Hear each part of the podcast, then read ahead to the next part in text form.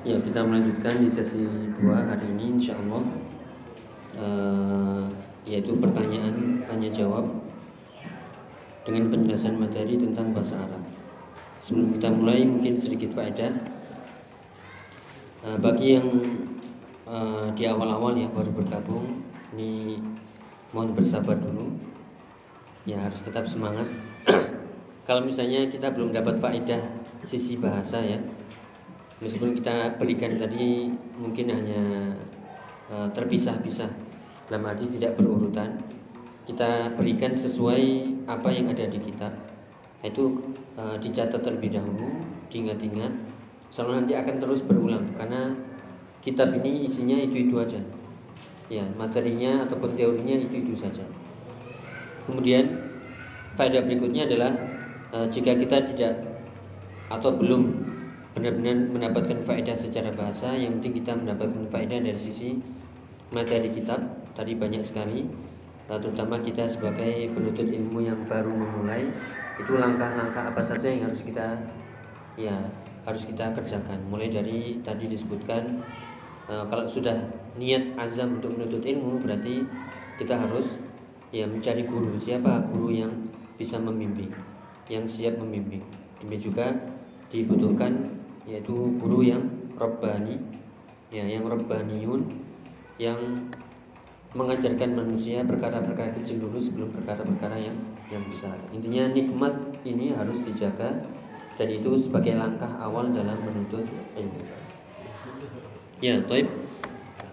Silakan. E, mungkin ada yang bertanya yang e, terutama yang baik baru bergabung ataupun yang sudah lama belajar yang lupa-lupa ketika membaca ini silakan ditanyakan nanti akan kita jelaskan. Monggo silakan. Jika yang jika ada yang ditanyakan. Ya.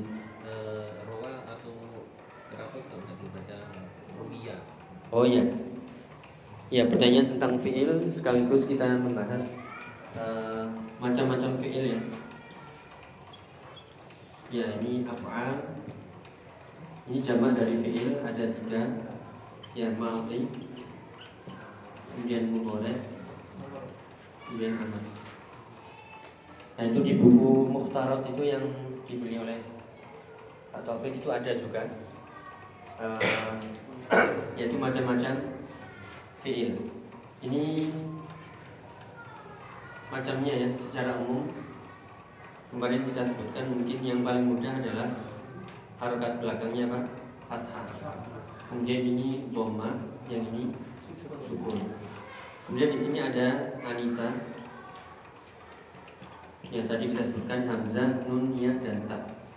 Dengan syarat ini doma, ini waw uh, alif nun kemudian waw nun atau ya. Ya, ya dan di akhirnya. Ya yang ini pasti sukun. Disebut nanti ada fiil yang belakangnya begini ya atau begini. Yaitu ada waw dan alif. Ya dan ya belakangnya. Ya adapun fiil madhi kenapa di situ misalnya ya rawa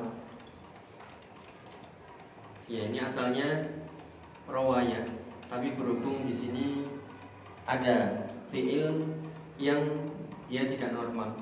Karena ada fiil namanya fiil nakis yang ada huruf ilahnya. Yang belajar tajwid tentu paham ini. Huruf ilah dalam ilmu tajwid apa saja?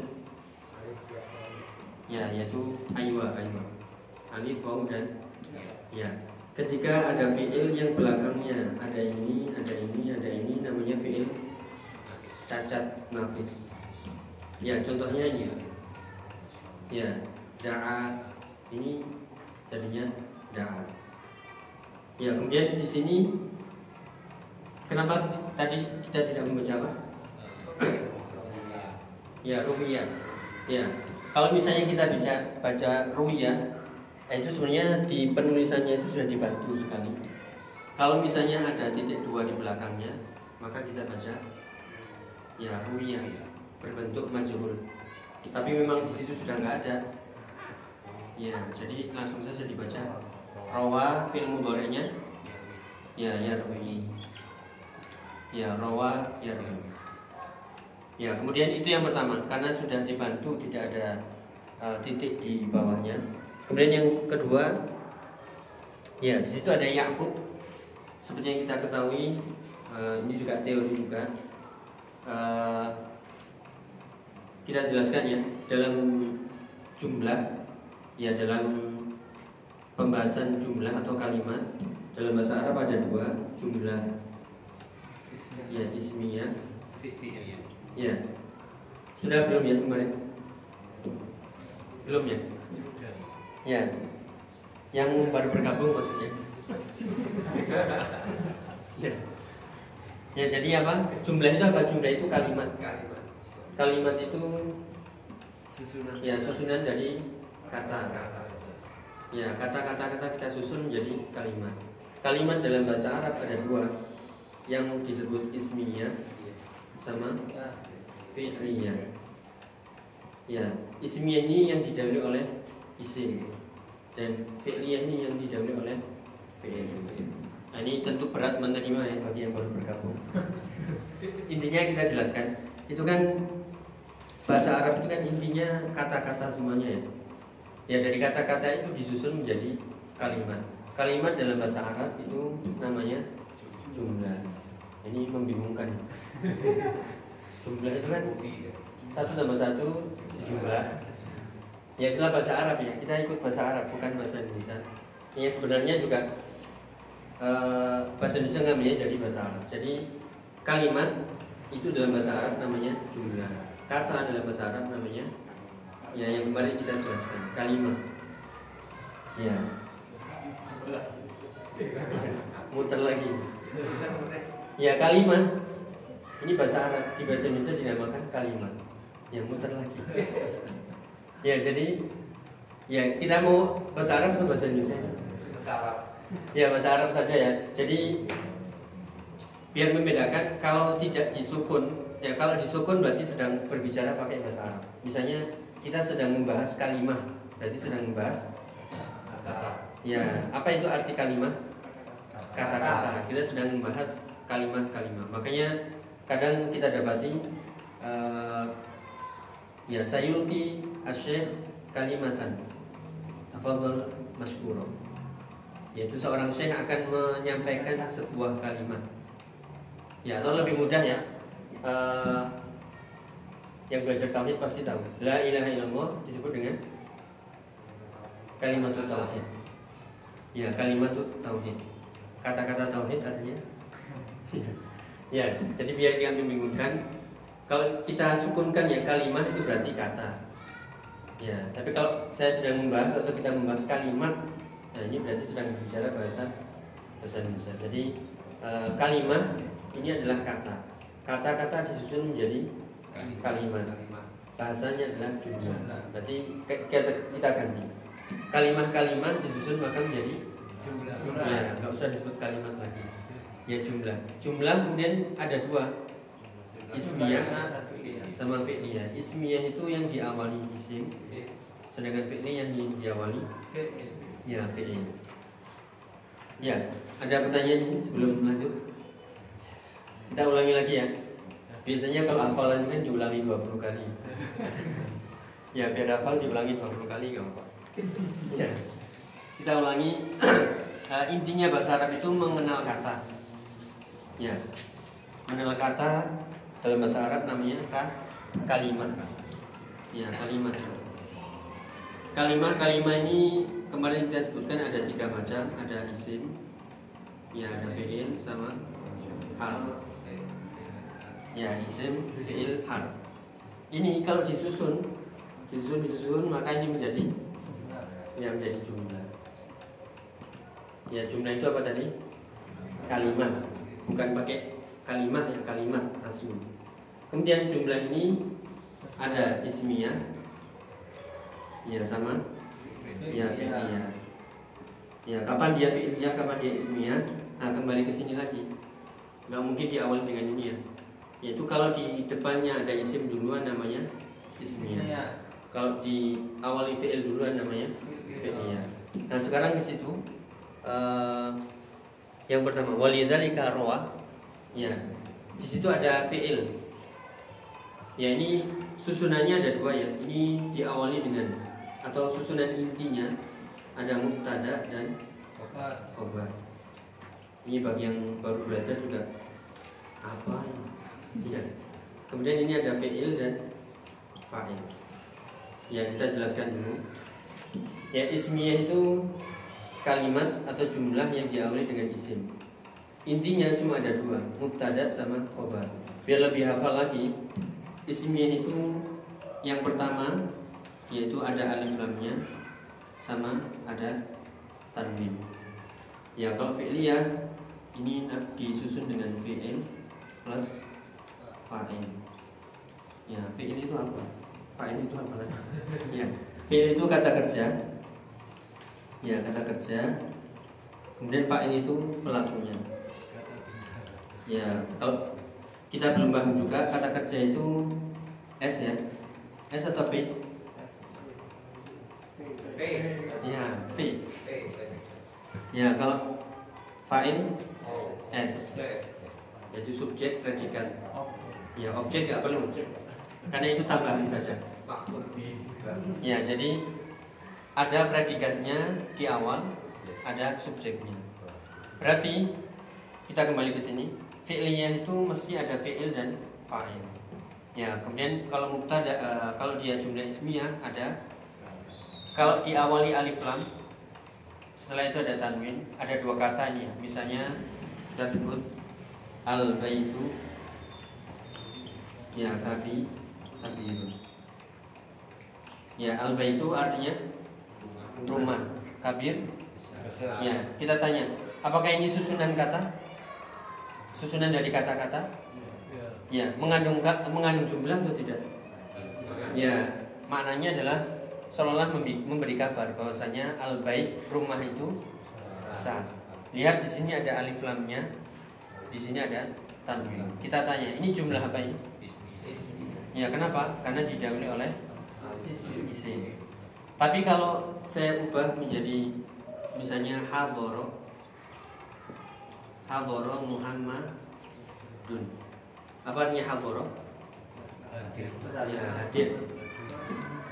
Yaitu hadir Muhammad. Biasanya kita terjemahkan Muhammad hadir. Hadoro itu fiil. Kita jelaskan tadi karena dia fiil maldi ini belakangnya fathah. Kita ganti biar sesuai praktek tadi kita ganti fiil mudorenya yaitu ya ya guru.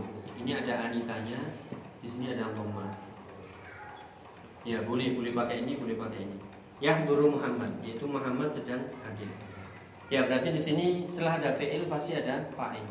Dan fa'il apa tadi fa'il? Pelakunya dalam bahasa Arab dia selalu ya berharokat dhamma.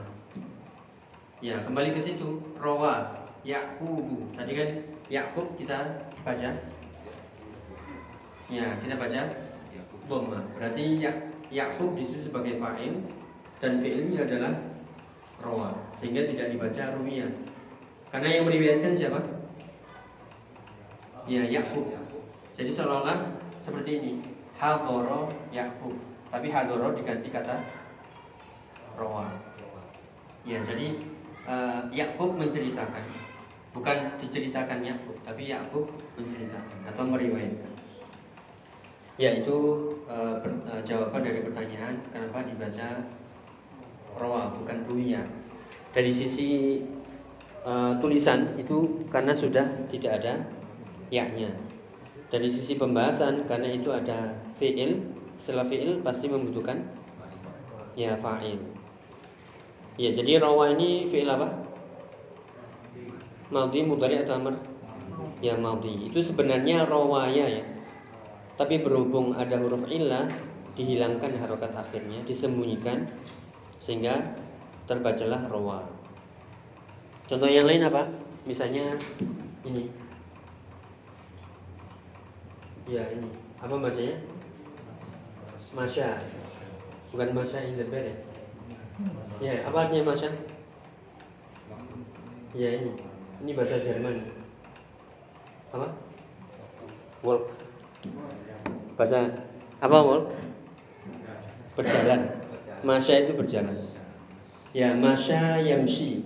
Itu asalnya adalah masyaya. Tapi berhubung ada huruf ilah dan tidak ada titiknya, maka bacanya masya. Pernah dengar kata bertamasya? Ayo kita bertamasya dulu. Itu bahasa Arab ya dari kata masya itu berjalan. Kalau tamasya berjalan-jalan. Rekreasi.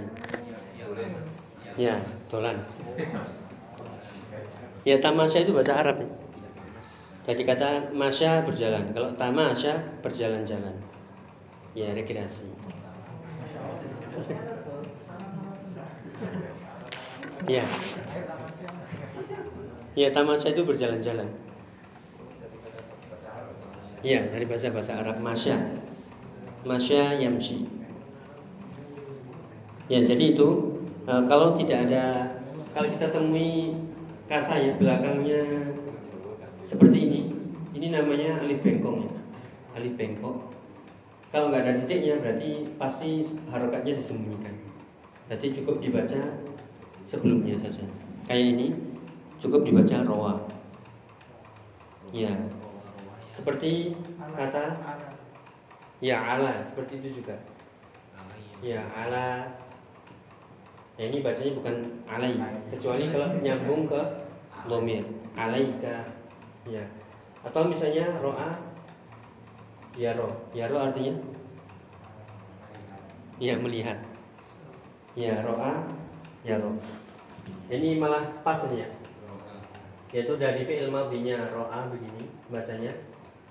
Ro'a. Fi'il mudhoreknya yaro. Enggak dibaca semuanya kan ini enggak ada titiknya. Ini enggak ada. Jadi ro'a yaro. Ya, jadi itu jawabannya. Uh, Roa Yaqubu ibnu Sufyan. Ya ini tentunya butuh perjuangan ya karena cukup seminggu sekali kemudian belajarnya. Ya tadi faedahnya silakan diambil dari sisi lugawi dan juga dari sisi materi. Adapun lugawi ini pelan-pelan dan uh, istilahnya tidak berurutan sesuai dengan uh, yang kita baca. Ya mungkin ada pertanyaan yang lain. Silakan.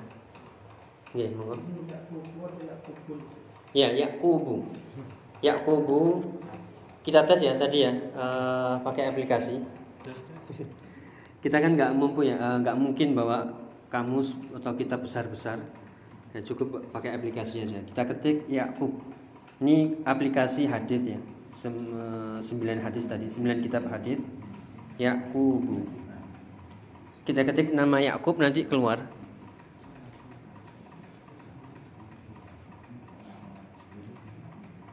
Iya, kita ketik nama Yakub nanti keluar. Nah, di sini nanti kelihatan apakah dia pakai tanwin atau tidak karena aplikasi ini sudah ada harokatnya. Ya, sudah ada harokatnya ini. Nah, ini di, misalnya haddatsana Yaqubu ibnu Ibrahim. Ya biar nggak kelihatan bohongnya. Coba ya, uh, yang di depan. Itu ada ya, monggo. Ada kata-kata Yakub Ya, kemudian di scroll ke samping. Sini Ustaz. Ke kanan. Yes. Enggak bisa. Oh. Bentar. Bukan ini yang aplikasi Kutubut Tisah. Ke sini Ustaz. Iya, di sini. Ada lagi ya? Ada Ustaz. Pakai arokan? Tuh mana? Ya, Iya. digeser lagi. Iya Ustaz. Ini. Di Play Store ini saya kirim ya. Iya. Nyarinya di set Kutubut Tisah. Ya. Nanti keluar eh, aplikasi Kutubut Tisah. Namanya Jami' Al-Kutubut Tisah. Ini saya screenshot ya. Oke. Ini agak berat dikit ya. Kalau sudah download nanti eh, apa namanya? Memorinya lumayan.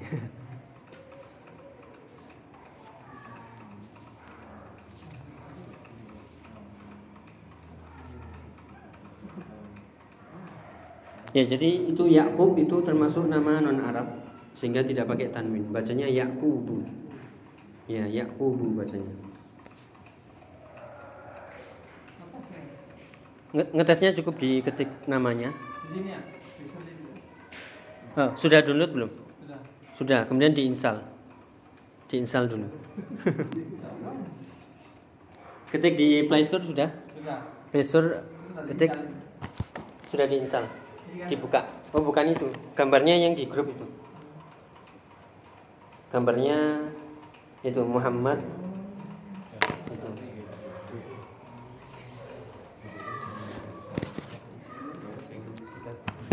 Ya ketik ini ya tulisannya. Ya jami ya. Butubu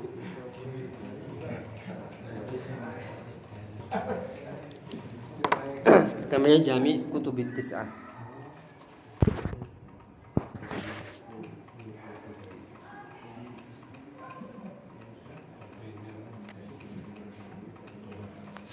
ada yang dapat? Ya nanti silakan dicoba ya. Eh, itu ya itu satu cara. Kemudian yang kemarin sudah download kamus Ustadz Firanda itu bisa dicoba juga ketik Yakub. Ya keluar. Ya itu apa isinya? Coba dibaca. Yakub Yakubun atau Yakubu? Ya berarti bacanya ya apa di situ diartikan ismu Ya, ismu alamin nama orang atau zakarun al-hajal atau burung puyuh jantan. Jadi ada berbagai macam cara ya me- eh, mengetahuinya melalui aplikasi. Boleh pakai aplikasi Kutubut Tis'ah, boleh pakai aplikasi kamus.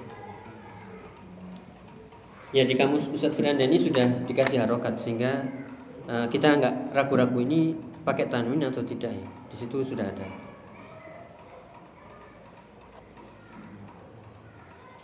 Ya, jadi jawabannya adalah eh, itu untuk mengkonfirmasi saja. Adapun secara teori, jika itu nama non Arab, maka dia tidak pakai tanwin. Ya, ya itu. Itu eh bad badaan itu. Ini ya. Eh, bu, il, il, ilwa itu cancel yang sebelah kanan. Nah. Ya, jadi ada mau aplikasi berat atau aplikasi ringan. Kalau yang berat tadi itu memudahkan kita, makanya kalau kita sibuk dengan ilmu, dengan hadis misalnya, saya pengen tahu hadisnya, tinggal ketik satu kata aja, nanti keluar hadisnya. Misalnya kita nggak hafal innamal a'malu binniyat wa innamal likulli imrin. Kita ketik aja innamal a'mal. Langsung keluar teks-teks hadis yang keluar kata-kata innamal a'mal, innamal a'mal, innamal a'mal. Iya. Pakai apa? Ter- kayak yang ini nggak bisa ini. Ya? Jadi ada berbagai aplikasi ya. Eh, ada namanya aplikasi Bahtul Hadis. Ada namanya Sihatul Hadis. Jadi untuk mencari hadis sahih atau tidak ada aplikasinya. Ya. Iya itu download dulu. Agak lama. Ya ini yang ringan saja ya saya saya berikan. Jaringannya agak lama tuh. Nanti saya bagi.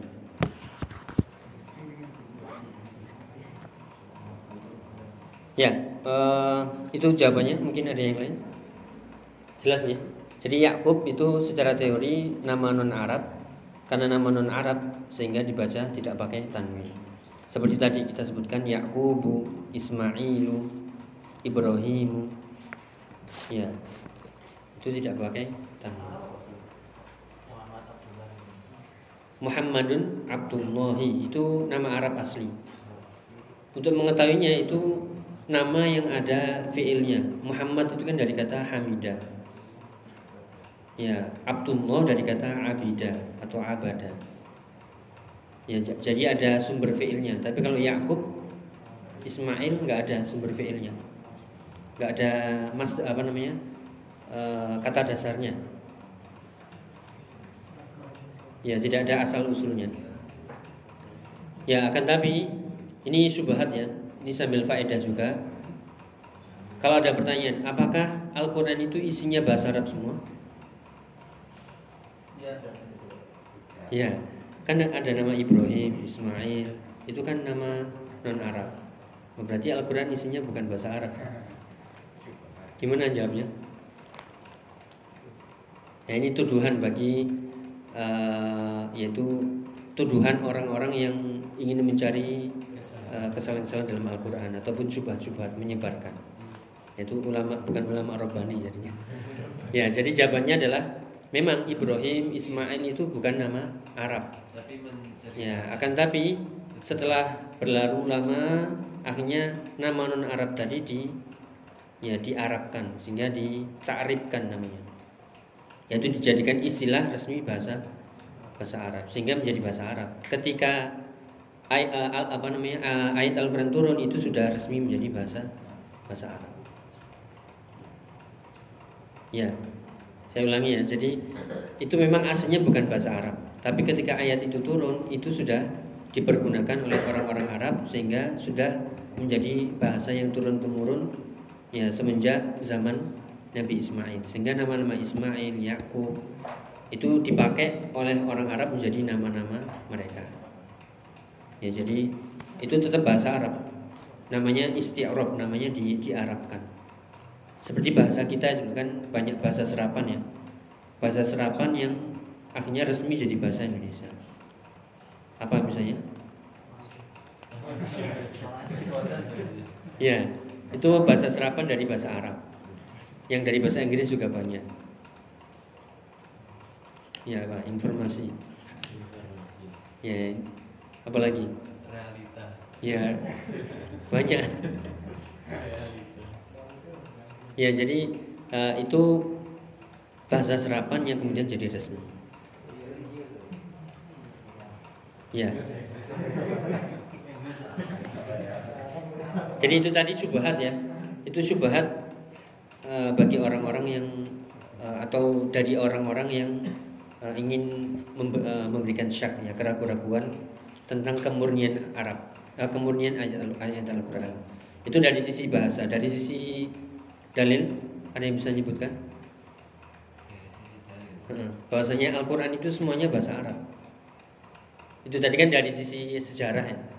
Kalau nggak mau eh, nggak percaya pakai dalil sejarah ya udah pakai dalil Al-Quran yang asli. Dalilnya adalah surat. Iya.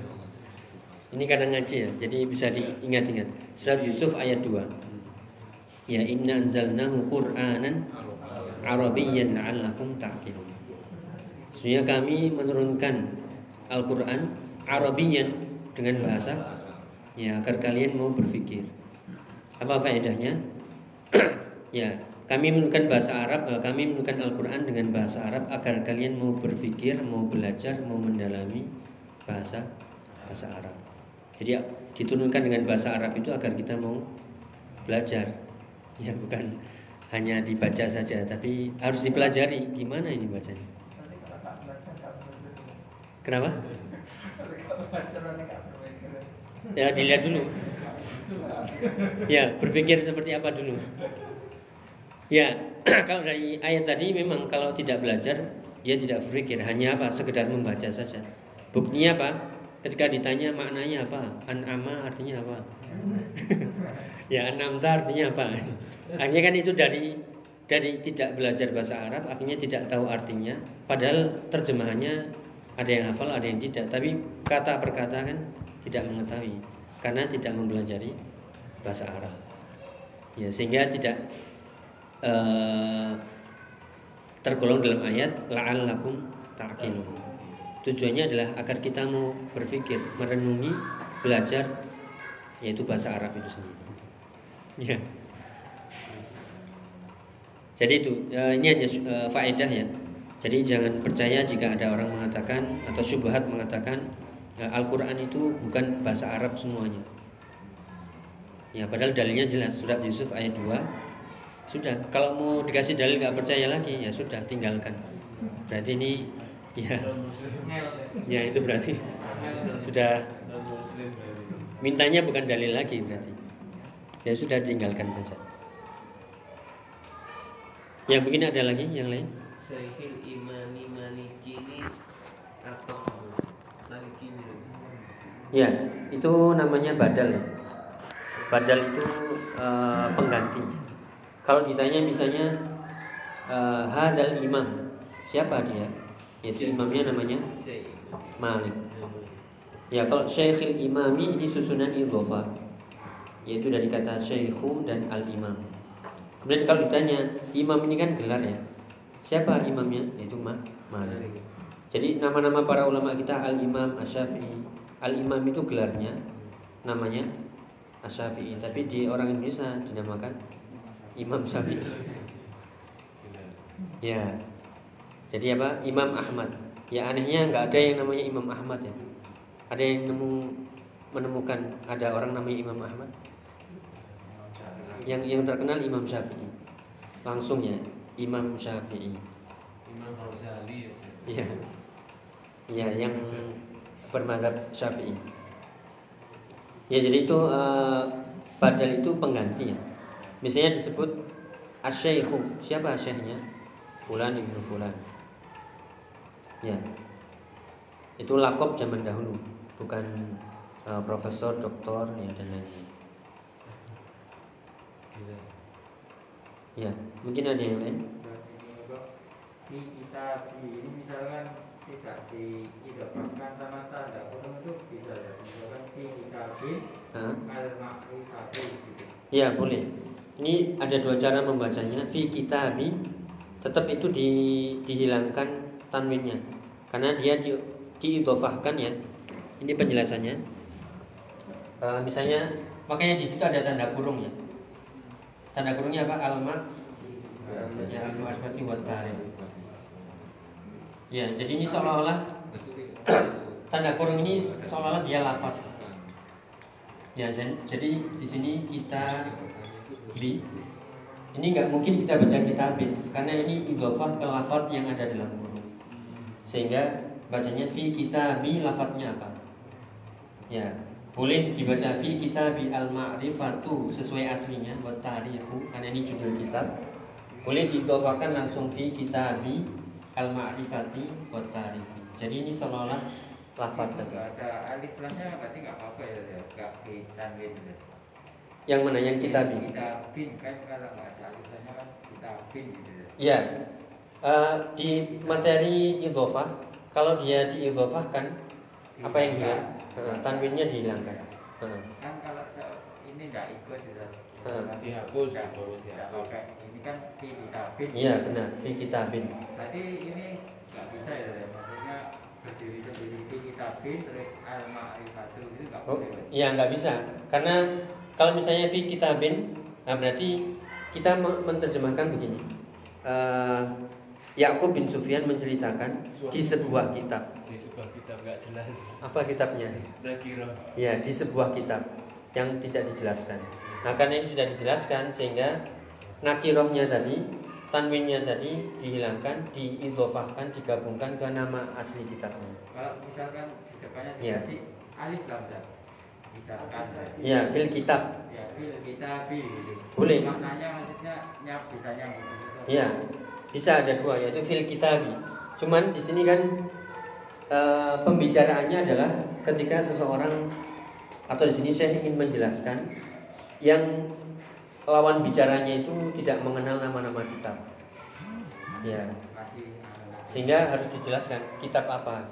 Penjelasan. Ya, tapi kalau misalnya ya, eh, misalnya ini, ini kan semua sudah tahu kata kitabnya namanya. Misalnya Hayya Nadrusul Kitab. Saya bicara mengajak bicara semuanya. Ayo kita belajar kitab. Saya langsung pakai alif lam. Hayya Nadrusul Kitab. Berarti semuanya paham pasti yang kita pelajari adalah kitab ini. Ya, tapi kalau Hay- Hayya Nadrusul Kitab kaifiyati al-bada'i fi talabil ilmi itu berarti yang saya ajak bicara masih ada yang belum paham. Jadi ini konteksnya adalah uh, Syekh uh, mengajak bicara orang-orang yang belum paham sehingga harus disebutkan nama kitabnya. Ya. Kalau misalnya yang diajak bicara sudah paham, cukup disebutkan Rawa Yaqub ibnu Sufyan fil kitab tanpa disebutkan al-ma'rifah wa tarikh. Itu berarti yang diajak bicara itu ngerti. Oh, di situ Yaqub bin Sufyan punya kitab namanya. Ya. dari Ya, seperti itu. Misalnya di sini yang paham eh, nama kitab semuanya apa? Kitab apa namanya? Ya di soal ini ya misalnya. Ya terkenal dengan kitab ada eh, apa namanya motivasi dan sebagainya. Misalnya eh, fi yaumil khamis nadrusul kitab. Ya atau disebutkan dalam kitab itu pakai alif lam. Berarti yang kita ajak bicara itu paham yang dimaksud kitab atau misalnya Dzakara al-Imam An-Nawawi fil kitab. Ya, Imam Nawawi menyebutkan dalam kitab. Ya, kemudian menyebutkan tentang keutamaan sholat misalnya. Ya, kalau itu yang diajak bicara sudah paham, itu maksudnya menjurus ke Riyadhus Shalihin. Tapi kalau yang diajak bicara nggak paham, misalnya Dzakara al-Imam An-Nawawi fil kitab. Saya bilangnya Alkitab, padahal yang saya ajak bicara nggak ngerti Imam Nawawi siapa, kitabnya namanya apa, akhirnya kan bingung apa maksudnya fil kitab? Ya jadi ya di sinilah eh, peran pentingnya bahasa Arab. Kapan kita memakai alif lam kapan kita memakai tanwin. Tergantung apa? Tergantung arah pembicaraan. Ya dan itu juga kita dapati di ayat-ayat Al-Quran kalau kita teliti ya. Contohnya misalnya dalam surat Al-Baqarah. Ya alif lam mim Zalikal kitabu atau zalika kitabun. Ya berarti yang diajak bicara itu paham. Maksudnya Alkitab adalah Al-Quran Bukan kitab-kitab yang lain. Ya karena yang diajak bicara ini orang-orang yang beriman Yang paham bahwasanya kitab rujukannya Sumbernya adalah Al-Quran. Zalikal kitab. Itu satu contoh. Contoh yang kedua Kalau disebut kata-kata Ar-Rasul pakai alif lam ya kata-kata ar-rasul misalnya apa? Contohnya di ayat yang ada kata-kata ar-rasul. Ini pakai alif lam ya bukan pakai eh, tanwin. Ya ada yang bisa nyebutkan ayat? Lagi ya pakai aplikasi. Ini harus banyak aplikasi. Aplikasi ayat ada yang pernah punya? Ya ketik saja kata ar-rasul. Ya ar-rasul. Pakai alif lam ya ini membuktikan kapan kita pakai alif lam, pakai kapan pakai tanwin. Misalnya di surat eh, yang paling mudah.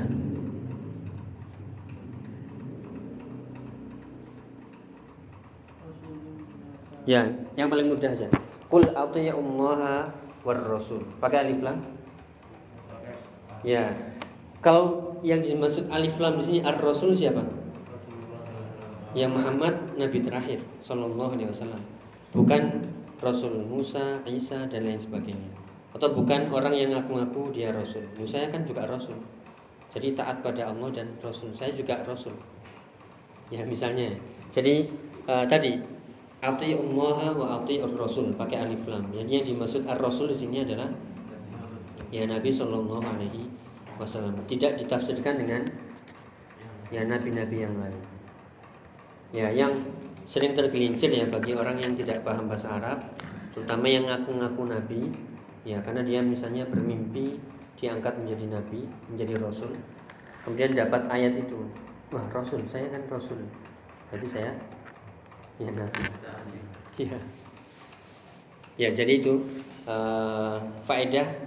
Ini yang kadang jadi pertanyaan besar ketika sudah mulai mengerti bahasa Arab, bingung Kapan ya pakai alif lam? Kapan pakai tanwin?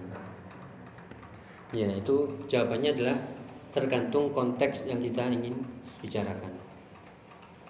Misalnya lagi ya, uh, ada seseorang di sini yang nggak kita kenal, tiba-tiba datang. Kita bilangnya apa? Datang apa bahasa Arabnya? Ja'a. Orang laki-laki namanya? Ya, ja'a rojulun atau ja'ar rojulun? Kita nggak kenal nih tiba-tiba datang ke sini ya ja'a rajulun artinya telah datang seorang laki-laki tapi kalau ada yang sudah kenal kita tiba-tiba duduk kita nyebutnya ja'ar rajulu atau ja'a rajulun ya ja'ar rajulun berarti yang saya ajak bicara ini sudah kenal semuanya sama orang tadi. Ya. Tadi. Apa? Ya, kalau alif lam itu maknanya sudah jelas, sudah diketahui bersama. Tidak bisa diartikan yang lain. Ya. Contoh yang lain misalnya uh, tazawwajtu imro'atan misalnya. Tazawwajtu bimro'atin. Saya menikah dengan seorang wanita. Ada yang tahu? Gak ada yang tahu. Ro'aitu mar'atan. Saya melihat seorang wanita. Gak ada yang tahu. Ya, atau misalnya dalam hadis biasanya suila atau jaa ila nabi rajulun atau kutila rajulun. Telah terbunuh seorang orang sehingga disembunyikan. Siapa ini? Nggak nggak tahu. Jadi fungsinya uh, alif lam dan tanwin itu adalah untuk uh, ya untuk menjelaskan atau menyembunyikan sesuatu dan itu tergantung lawan bicara makanya sesuai uh, apa namanya uh, ayat tadi inna anzalnahu qur'anan arabiyyan la'allakum ta'qilun. Orang yang belajar bahasa Arab itu pasti dia berakal pasti dia pasti dia teliti ya ada kecerdasan lah. Ya tapi bukan berarti yang nggak belajar bahasa Arab nggak cerdas ya belum belum ini aja uh, kalah stat aja. Ya kalah stat aja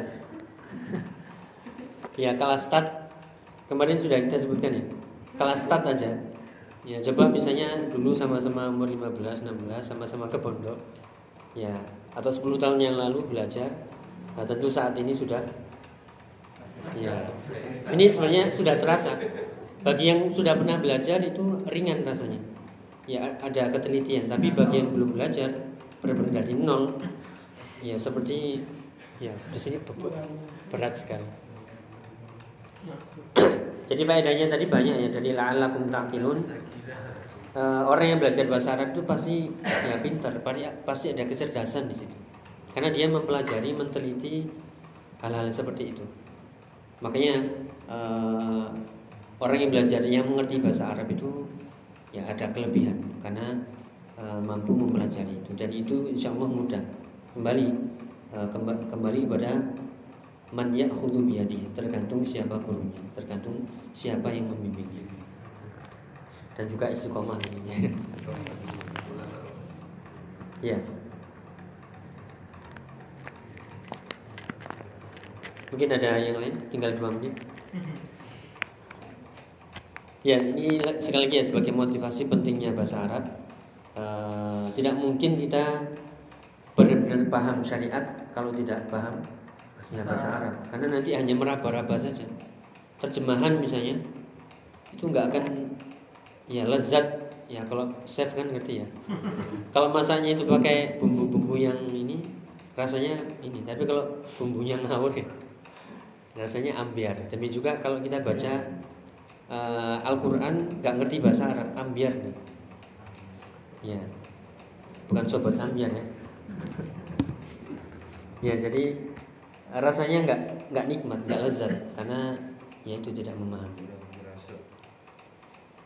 Ya salah satu contoh ya uh, tadi kebetulan ada taklim ada yang bertanya di surat An-Nisa ya ayyuhalladzina amanu la yahillu lakum an tarithun wahai orang beriman tidak halal bagimu uh, mewariskan wanita.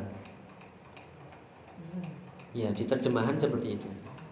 Tidak halal bagi kalian mewariskan wanita. Ya, surat An-Nisa ayat berapa? 19 kalau tidak salah. Coba ini apa maksudnya? Tidak boleh mewariskan wanita. Maksudnya apa? Meninggal terus dikasihkan Ya.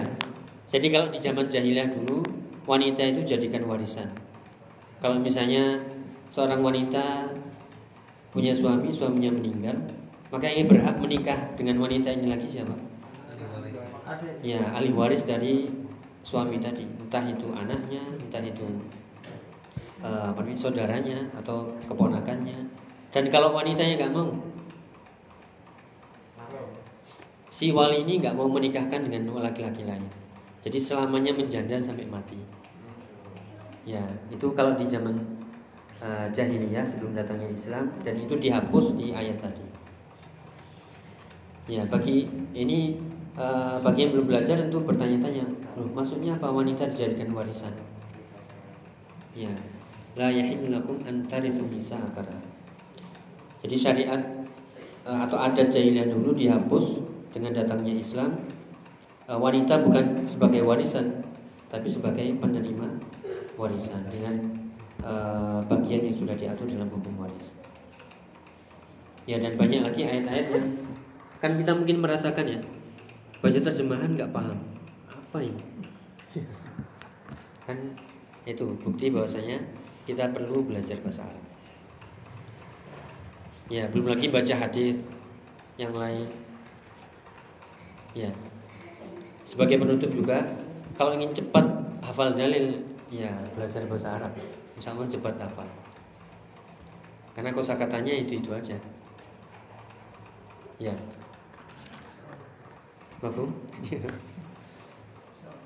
ya itu sebagai motivasi ya kita niatkan untuk uh, memperbaiki diri kita ya terutama uh, ibadah kita kepada Allah agar semakin yakin dan mantap. Bukan hanya sekedar ibadah tapi uh, benar-benar memiliki derajat. Seperti ayat yang kemarin kita sebutkan yarfa'illahu alladziina amanu minkum walladziina utul ilma darajat. Jadi derajat seorang nanti itu tergantung iman dan ilmunya. Ya amal soleh mungkin sama semuanya amal soleh tapi beda antara satu dengan yang lainnya dari sisi keilmuannya. Jadi pahalanya pun berbeda.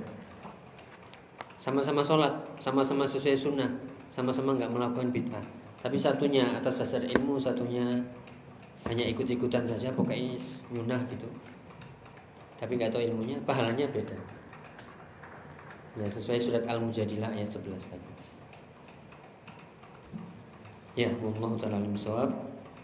Semoga tetap semangat ya. Insyaallah. Insyaallah. Ya, insyaallah uh, cukup satu pekan sekali atau tambah lagi? Tambah lagi. Ya, Enggak. Apa? Senin sampai Jumat. Kan ada waktu Sabtu, Ahad, ya pagi, siang, sore ada. ya, silakan nanti kalau mau uh, dibicarakan, mau menambah. Ya, tafadhol. Ya dengan syarat istiqomah aja. Nanti ada pandemi ke-10 nanti bubar lagi. Ada PPKM level 5 nanti.